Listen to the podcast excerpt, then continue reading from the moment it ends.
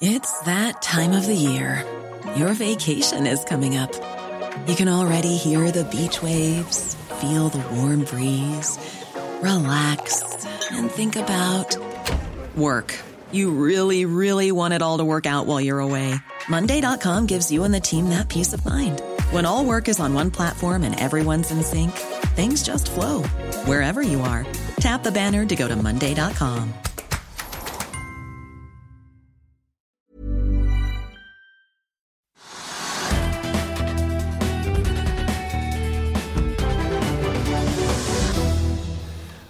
velkommen til Økonominyhetene. På Oslo Børs, Trygve, og I går fant du ingen lyspunkter. Hvordan er det i dag? Nei, i går Det er helt riktig, det var ingen lyspunkter. Og så var markedet ned rundt 5 så Det falt jo etter at vi da gikk ut av studio i går. I dag så er det akkurat motsatt. altså Ned 5 i går, og så er det opp 5 i dag. Eller kanskje opp litt mer enn det også. Og de, Børsene i verden over er også opp. De europeiske børsene er opp.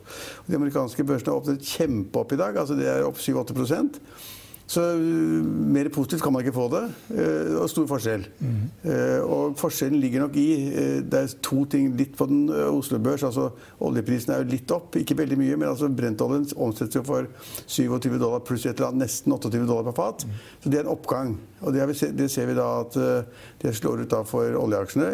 Equinor og Aker BP de er opp henholdsvis 8 og 12 og så har vi også en ganske kraftig oppgang i Aker og Aker Solutions. Så vi har en liksom oljepreget oppgang. Det er liksom lokalt Oslo Børs. Vi liker olje, og vi passer på det. Og når oljeprisen går opp, så er det bra.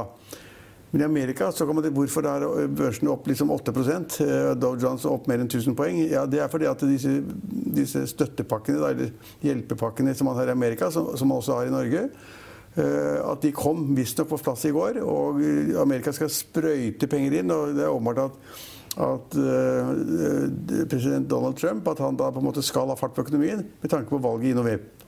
november jeg tror det er det som ligger bak. Og Det var, veldig mye krangel i Kongressen om den hjelpepakken. fordi at uh, Demokratene ville ikke godta altså, republikanernes forslag.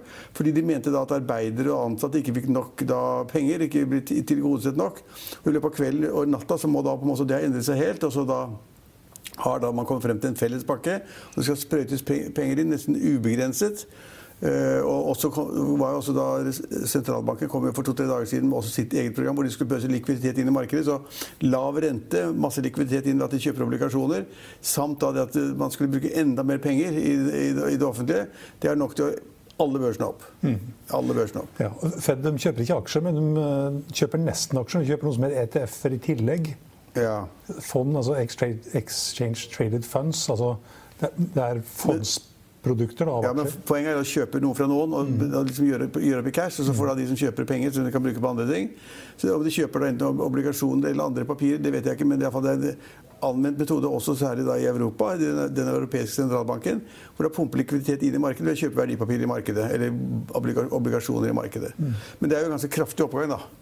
Og verden er, altså vi, har ikke, vi har ikke avsluttet uh, korona... Vi har ikke det? Nei, koronavirusepidemien. Det har vi ikke avsluttet. Så, uh, men, men det, det, det viser, er det at altså, hele verden, enten det er USA eller euro, europeiske land, eller Norge for den saks skyld, så brukes det utrolig mye penger for da å unngå det. At man får en resesjon og en økonomisk nedtur som kan vare i mange år. Veldig mye penger på det. Og alle er innstilt på å gjøre det. Og engelskmennene vil gjøre det. Alle vil gjøre det. Uh, og det, kanskje det virker, uh, og, og, men vi ser at, at, det trengs mye penger. Kan jeg bare ta noen makrotall sånn innimellom? nei, nei, men jeg så, de kom med de tallene som jeg satt og ventet på, nemlig arbeidsledigheten i Norge. Mm. I løpet av få dager har den gått liksom fra 2,3 som var det siste offisielle tallet, til 10,4% i dag. Mm. Og med 291 000 arbeidsledige. og Det er liksom snakk om på få dager. Det er klart det er så illevarslende at hvis regjeringen ikke hadde begynt med sine hjelpepakker, så måtte den startet i dag eller i morgen for å prøve å dempe det, det utslaget av lavere økonomisk vekst, som kommer at man krymper alt og smelter ned alt og låser alt, og ingen får lov å gjøre noen ting, og ingen får bruke penger. Så det er ganske dramatisk. Og da, den ledigheten var ikke uventet for meg. Jeg skrev om den for et par dager siden i Finansavisen. Uh, og det stopper jo ikke på 10,4% altså 291 000 ledige. Der, og så kommer da, kan du legge til 10 000-20 000 folk som er på tiltak, så er det godt over 300 000. Og så vil det komme nye permitteringer på løpende bånd i ukene fremover. De, som er litt treige, ikke fått rumpa i gir, de tenker på hva som foregår. liksom Dette kommer til å vare lenge, jeg trenger penger, jeg må ha hjelp. Jeg må ha staten hjelpe meg med permisjonsordningen. Vi får mer. Så vi, vi er, vi er på, liksom da oppe på et ledighetsnivå som vi hadde rett etter krigen, og det kommer til å bli verre. Og, der, og, det har man skjønt i andre land også. Fra å gå mot en, en, fremtid på en årlig vekst på 2-3-4% kanskje 5% i USA, som man trodde en periode, så ser man nå det at man kanskje kommer en negativ vekst i 2020 og 2021 på kanskje minus 5 eller minus 10 eller minus 15% og Det er en utrolig nedgang. Og for å kompensere det pøser man inn penger, og det virker på børsene. Børsene skjønner det først. Mm. Og så er det spørsmål om det virker på økonomien, realøkonomien etterpå. Men altså børsene skal på en måte tolke alle pakkene, tolke hvordan aktørene vil, vil, forholde seg. Og de sier nå at dette kommer til å virke, dette kommer til å være bra for selskapene. Og hvis det er bra for selskapene med at selskapene tjener mer penger eller taper mindre, så vil det slå til aksjekursene, fordi at uh, prisene i, i aksjemarkedet reguleres da av hvordan selskapene gjør det. Det, en, det var den forelesningen, da. Men, men, men, men, det er opp overalt, da. Og, og, og, som jeg sa i sted, så er det opp særlig da for olje og oljeservice på, på Oslo Børs. Og hvis vi leter da, I går så lette vi etter lyspunkter. I dag kan vi lete etter det motsatte, og da finner vi bare ett, i hvert fall på eh, Oslo Børs. Og jeg vet ikke helt hvorfor Bakkafrost faller 2,5 ja. men det er den eneste aksjen av de 50 mest omsatte som faller. Ja, og du, holdt på si, du tenkte du skulle dra det negative litt langt. Jeg tenkte at du kanskje ville si at Norwegian, flyselskapet, det er opp 3-4 mm. det, er, det er jo ikke mye. Det er bare så vidt det rører seg. 9 kroner et eller annet. Mm. Eh, og eh, alle sier jo da det at eh, vilkårene for at de skal få låne penger fra staten, er til stede, og at to banker ser på det osv. Men at kursen ikke går mer enn 3% er litt skummelt. Jeg tror ikke det er helt på plass ennå. For De første som da på en måte diskonterer det som kommer til å skje, det er jo det aksjemarkedet, de som hører de vet noe. Og normalt vil man etter det, Hvis det var så positivt for Norwegian, det som har kommet frem etter, etter at hjelpepakken kom, og de tre milliardene i garantier som skal eh, komme på bordet, så skulle man tro at Norwegian-kursen hadde gått mye kraftigere enn det den gjør, men den går, den gjør, går nesten ingenting. Mm. Kanskje noen som lurte på hvorfor eh, Kise og Kjos solgte 3625 aksjer? Ja, det så jeg, jeg, så, jeg så det på Finansavisen ennå. Nå, nå, er de på 9,9% De er under flaggegrensen på 10 og ja. da kan de på en måte gjøre hva de vil. Nå kan de gjøre hva de vil uten mm. å si fra. Mm. Ja. Jeg syns litt synd på dem, så jeg håper endelig at de får noen penger for de siste aksjene de har. da. Men er det, er det et stort poeng å komme seg unna den flaggegrensen? Det, det, er sånn Jo, det er et poeng. Du er, du er jo du er mer fleksibel, du kan gjøre raskere det du har lyst på. Når du er under den flaggegrensen, så Altså Hvis du er på en måte står og tripper og skal jeg liksom gå ut eller inn, eller skal jeg låne mer penger for å kjøpe enda flere aksjer, som de har vært dumme nok til å gjøre flere ganger, eller skal jeg bare kvitte meg av alt sammen og familie, hele familien, altså sønner og døtre og svigerinner og svoger og hele pakka, de går ut plutselig en annen dag. Det, det vil ikke være overraskende. På ni kroner? Det vil ikke være overraskende, men det, det, er jo ganske tungt, da. Ja, tror det. det er jo ganske tungt. Um, en av vinnerne er Pareto Bank. Stiger 29% nå. Ja, men Den hadde falt ganske mye. Ja. Og, og, det var liksom ganske press på disse nisjebankene. Kanskje noen som var redd for at ikke det skulle bli utbytte likevel. Men nå er det jo generalforsamling om et par dager, tror jeg. Ja, og de har jo lovet utbytte lang tid, da. Mm. 280 øre, så det kommer det ganske sikkert nå. Det er godt, god slutning. Jeg tror jeg altså kommer Kursutvikling kan tyde på det. Mm. Idex Biometrics som stiger 40 det har jeg ikke sett på hvorfor det kan være, men um, den har også falt mye. da. Ja, altså det er de som har falt mange aksjer som har falt mye, som tar seg inn. Aker har falt mye. Øh, øh, ja, da, Kongsberg Automotive opp 21 Aker Solution, er ikke den opp liksom 15-20% eller sånn? 17,5 ja. ja. Så det er mange av de aksjene som har falt veldig mye, som nå er uh, høyt på vinnerlista. Ja, og, og, og, det er jo interessant da, det at hele verden går, at Europa går. At først gikk Asia, så gikk Europa, så går USA før oss. Og så går Oslo Børs rett etterpå. Så det er interessant. Men jeg, jeg tror ikke at dette er over. Altså, det var Petter Hermanrud, en av de som lytter på, han sa jo det at liksom, de som kjøper aksjer nå, de har sikkert tjent penger om tre år. Mm -hmm. Altså Med en treårshorisont så vil man kjøpe aksjer nå. Så det å kjøpe aksjer nå på tre fra dag til dag, det, vil, det er livsfarlig med tanke på at Oslo Børs i går falt 5 og i dag stiger 5% det er, Den svingen er for stor. Prisbok er på under 1,4, da? Ja. ja men hva skal, det er det han tenker på. Den, den tenker, men skal ikke kjøre, er det, Går grensen på 1,4? Tror du grensen gikk på 1,2 eller sånn? Ja, hvis du kjøper under 1,5 Ja, du kan vente til 1,25, men da er hovedindeksen på Oslo Børs på, i 580. Ja. Så det er ned 13 til da, fra dagens nivå. Ja, men altså Klart kjøp, da skal han lenger ned på prisbok. Det er jo hans liksom, analyseverktøy, og da skal han lenger ned. Ja. Og så skal han selge på 2,5 eller et eller annet sånt? Ja, alt over 2,1 er vel ja, ja, begynner å bli dyrt. Sånt, ja, ja. Jo, men det er jo, eh, altså Fra spøk til alvor så er det jo slik at det er nok mange selskaper nå som har ganske gode verdier i balansen. Som ikke er da eh, hensyntatt i markedet, hvor folk tenker at det går til helvete med selskapet. Og de har da regnskapsmessig bokførte verdier som gjør da liksom at eh, sånn og sånn, men vi tror ikke noe på det. Vi tror at verdien er mye lavere, og så priser de da aksjene i markedet mye lavere. Det kan tenkes at selskapene har verdier som man da ikke ser. Vi har snakka litt om HS-indeksen, som er den indeksen som viser hvor mange som er positive og negative til aksjemarkedet. Ja, og man skal da ikke kjøpe før alle er negative? Nei, og den var jo nede på 6. Det vil si at da 94 av 100 var negativ. Da skulle man kjøpe. Og nå er den på 9. Ja, Kanskje ikke... passerer den 10 i dag, og det er kjøpsignal i så fall. Fremdeles kjøpsignal, er det ikke det? Ja, det var et svakt kjøpsignal når han snudde ja. opp igjen fra 6. Ja. Eh, men, og når den passerer 10 så fremdeles de fleste er negative. Ja. Da skal man kjøpe. Mm. skal man selge en del er positive. Kanskje det er i dag. Har du, du har tatt, nei, du har ikke tatt den? Nei. Ja, vi kan se på Nei, det har jeg Jo, nei. Jeg trodde jeg hadde lagt den inn her, men det hadde jeg faktisk ikke gjort. Men det er ganske enkelt budskap. Når alle er negative og alle sier at alt er fælt, det er da man skal kjøpe. Når alle er positive, så skal man selge. Passerer den ti i dag, så skal vi i hvert fall opplyse om det i morgen. Ja. uh, vi kan også ta med at um, tankratene er litt på vei ned igjen. Vi hadde jo noen sånne rater på 300 000 dollar. Ja, men de har kommentert mange ganger at de der hører jeg ikke på i det hele tatt. Fake news, eller? Ja, fake news. Og sette ut i markedet at en kjemperate fra tankskip får 300 000 dollar per dag. Hurra, hurra. Tjener penger som gress. Og så går det to dager, så kommer det melding om at nei, det var ikke 300 000 dollar likevel. Det var 30 000 eller 50 000 eller 120 000. I dette tilfellet vi snakker om nå, så var det angivelig 120 000 dollar per dag. Det er mye penger, det òg. Da tjener rederne ganske mye penger. Men det blir satt ut rykter om sånn den type slutninger, og jeg har jo vært litt skeptisk til det hele tiden. for det det ser ut som da volumet kan bli større når oljeprisen er lavere. Så er det flere som vil kjøpe inn til raffinerien og ha reserver og bygge lager og legge i tankbåter osv. Eh, men, men rateutviklingen var altfor rask og altfor stor. Og så var det da sånn skummelt sånn, nesten, nesten sånn fake news når noen setter i markedet falske nyheter. Ja, Det var noen som stakk av om Worldscale 400 òg. Ja, ja, men de hører vi ikke på, i hvert fall. De som, de som sier det, de kan bare godt være i tankmarkedet og ta, tape skjorta en dag. I, I, går så lovte de at vi skulle snakke litt om hvem som er I'll see you in court. Vi sier det ofte litt på spøk, men for deg som driver business, er det aldri moro å innse at du ikke har laget en 100% gyldig kontrakt. Du bør ikke risikere hele firmaet ditt fordi du synes dette med kontrakter er litt stress. En avtale er ikke en avtale. Du kan miste kunder, miste venner, ja, til og med miste inntekter om du ikke lager en skikkelig kontrakt, på alt mulig, egentlig. Men vi vet det er et styr, kopimaskiner, tregprinter og haugevis av papir. Dessuten stoler vi jo på folk her i landet. Det er ofte litt kleint å skulle be om en signatur for alt mulig, ja, for mye av styret handler også om jakten på underskriften. Det finnes en enkel måte å løse dette på, Dukkobit, en trygg, effektiv og get this, gratis måte å sikre seg en god natts søvn pluss en juridisk bindende avtale. Dukkobit-appen har de strengeste sikkerhetskrav i bunn, samt en EU-godkjent og sertifisert teknologi. Framover vil det bli behagelig å spørre du, skal vi skrive under på det, eller? Kom i gang på dukkobit.no.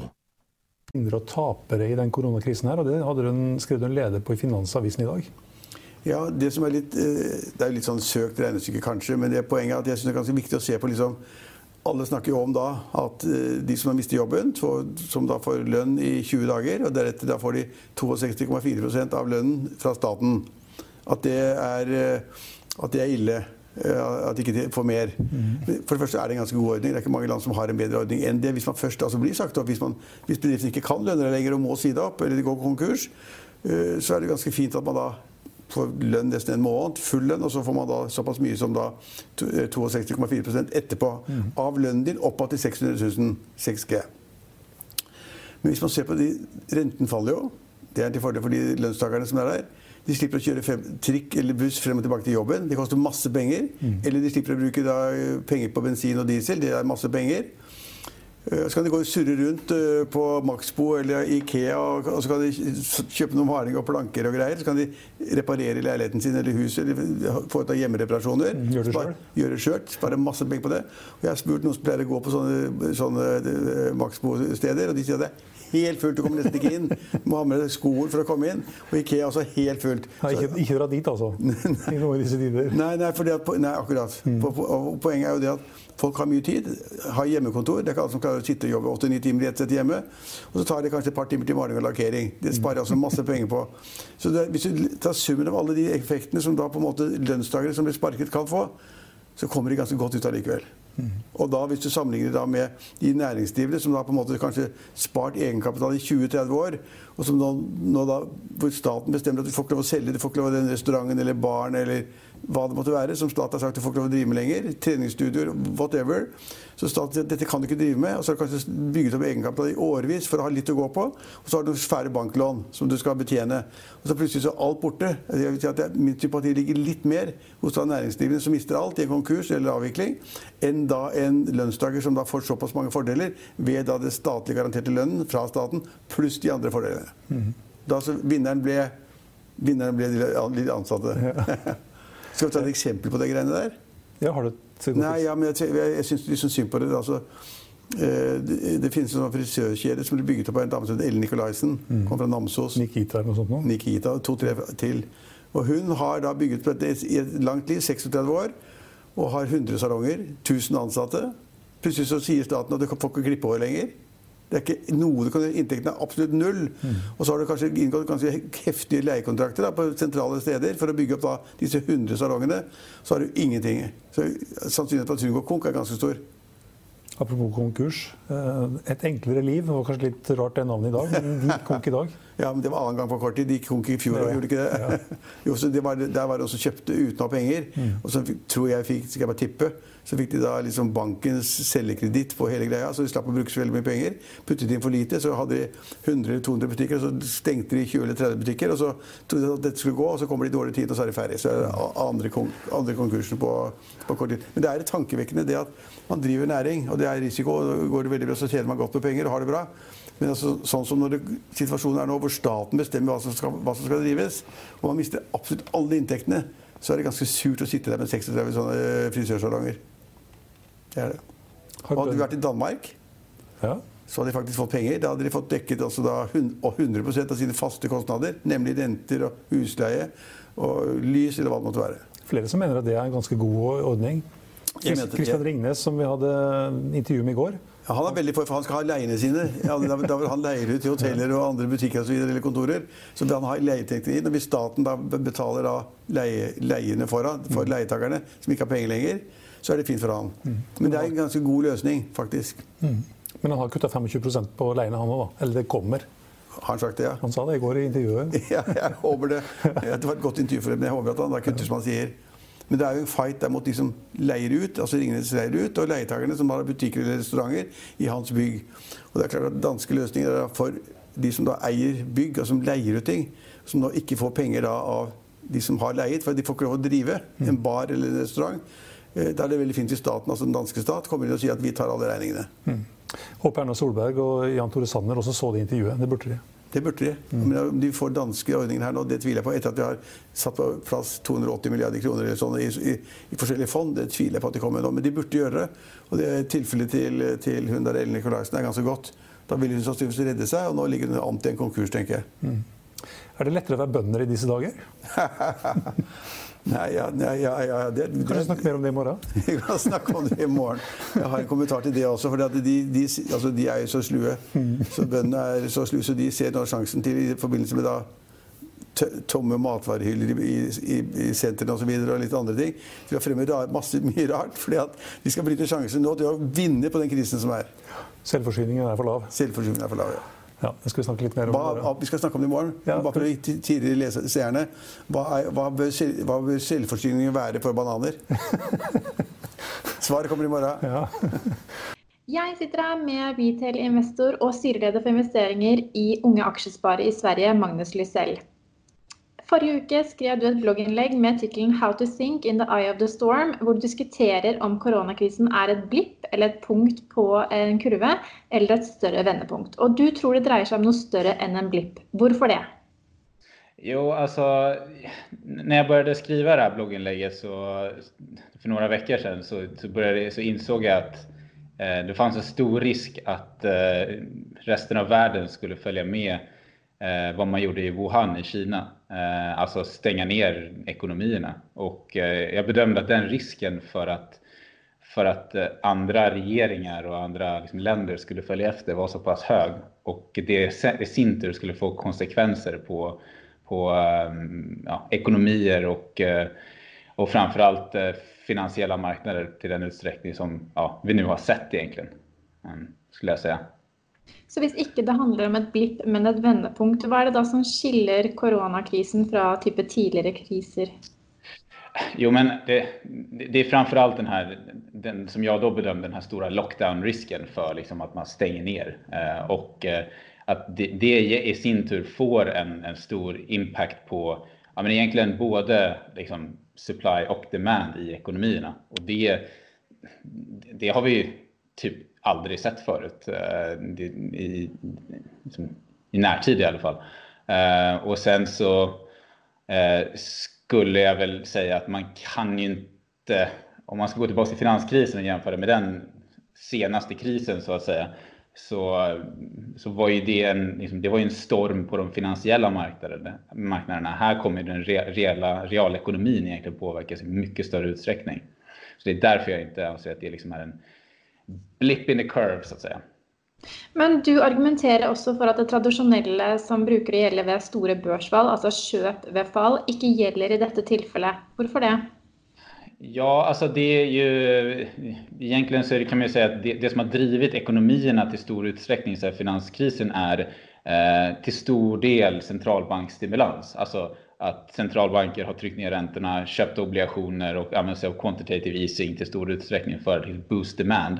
Men i det här fallet så, så hjälper det ju inte att centralbanker trycker upp nya pengar egentligen. Det, är ju, det, är ju, det här är ju liksom, man, man, kan ju säga, man kan säga att en centralbank kan ju inte, kan ju inte hjälpa oss att hitta ett nytt virus, till, eller ett nytt eh, vaccin till det här viruset till exempel. Det, det, måste ju lösas på andra håll då, då, då, då, blir ju risken för att det blir så pass stor osäkerhet i hur man skulle kunna få, liksom, lösa det här problemet. Det, det, hjälper inte. Där hjälper inte centralbanken i samma utsträckning som att man har gjort förut. Om man tittar på tidigare kriser eller eh, blips in the curve så att säga, så, så då har alltid centralbanken, centralbankerna eh, steppat in och eh, gjort interventioner i, de, eh, i, i, marknaden. Och då har det ju, då har det ju, eh, då har ju de finansiella marknaderna gått tillbaks ganska snabbt. Eh, I det, här, I det här läget så är det, så är det för stor osäkerhet för att det kommer kunna hjälpa. Det är i alla fall det jag eh, argumenterar för. Så det är vanskelig å time når det är riktig kjøpslegge? Ja, alltså just nu i en, en, sån här, en sån här, när det är sån här stor osäkerhet så, så blir det ju att de finansiella liksom, investerarna, de, de, de, säljer ju, de, de säljer ju på att man det är för stor osäkerhet. Det är ingen som vet riktigt eh, vad, vad, man ska göra. Det enda man kan, det man kan säga att så här, om, om det nu finns, om, om man nu får kont kontroll på den här, på, på spridningen av coronaviruset, och man får förtroende igen för att man kan, för att regeringar och, och, och liksom policymakers egentligen visar att så här ska vi göra för att få kontroll på det. Istället för att gå till panikåtgärder, ja, men då ser man ju att då ser man att det, det finns eh, ett läge for at man kommer komma tilbake ganske snabbt inn. Men hva tenker du selv, altså det har jo gått en uke siden du skrev dette blogginnlegget. Ja. Hva, hva, gjør du selv rent investeringsmessig akkurat nu?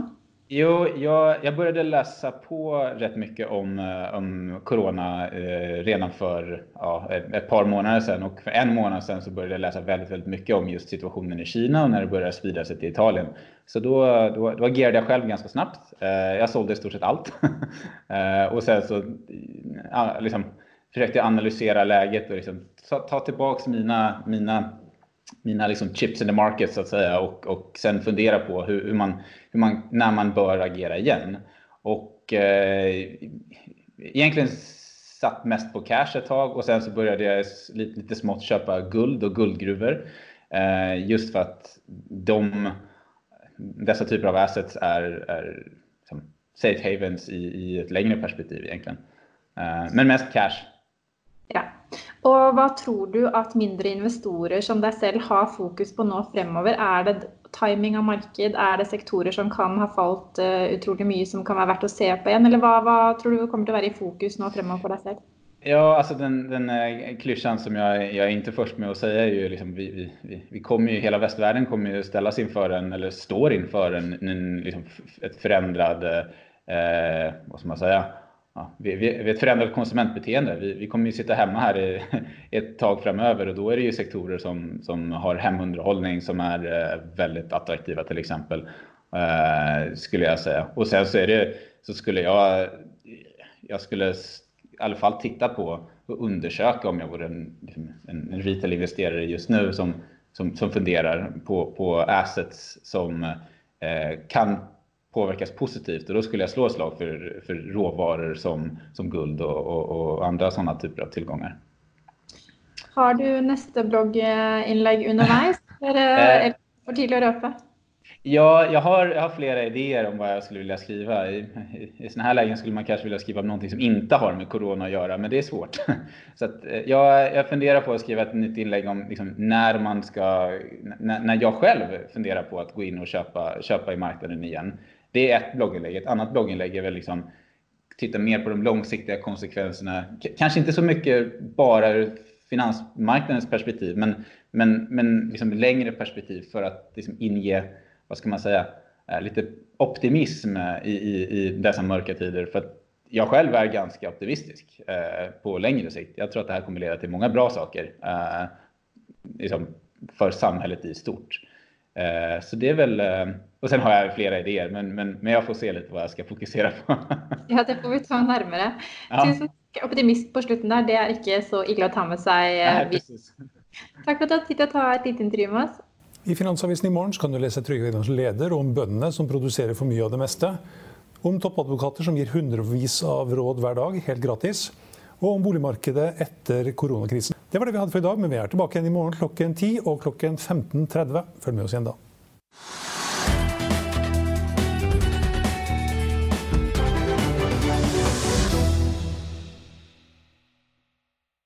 Økonominyhetene er en podkast fra Finansavisen. Programledere er Marius Lorentzen, Stein Ove Haugen og Benedikte Storm Bamvik. Produsenter er Lars Brenden Skram og Bashar Johar.